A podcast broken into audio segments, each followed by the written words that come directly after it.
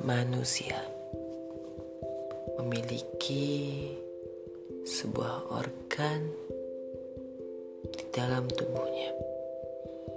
Organ yang menyimpan dan merekam segala hal-hal yang otak dan mata kita terima serta alami.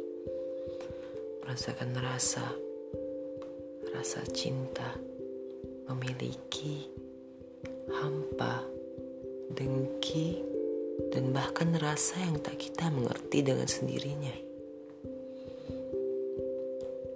Kita membutuhkan cerita orang-orang terdahulu. Kita membutuhkan dongeng orang-orang terdahulu agar hati ini bisa menerima rasa yang jelas. Inilah aku.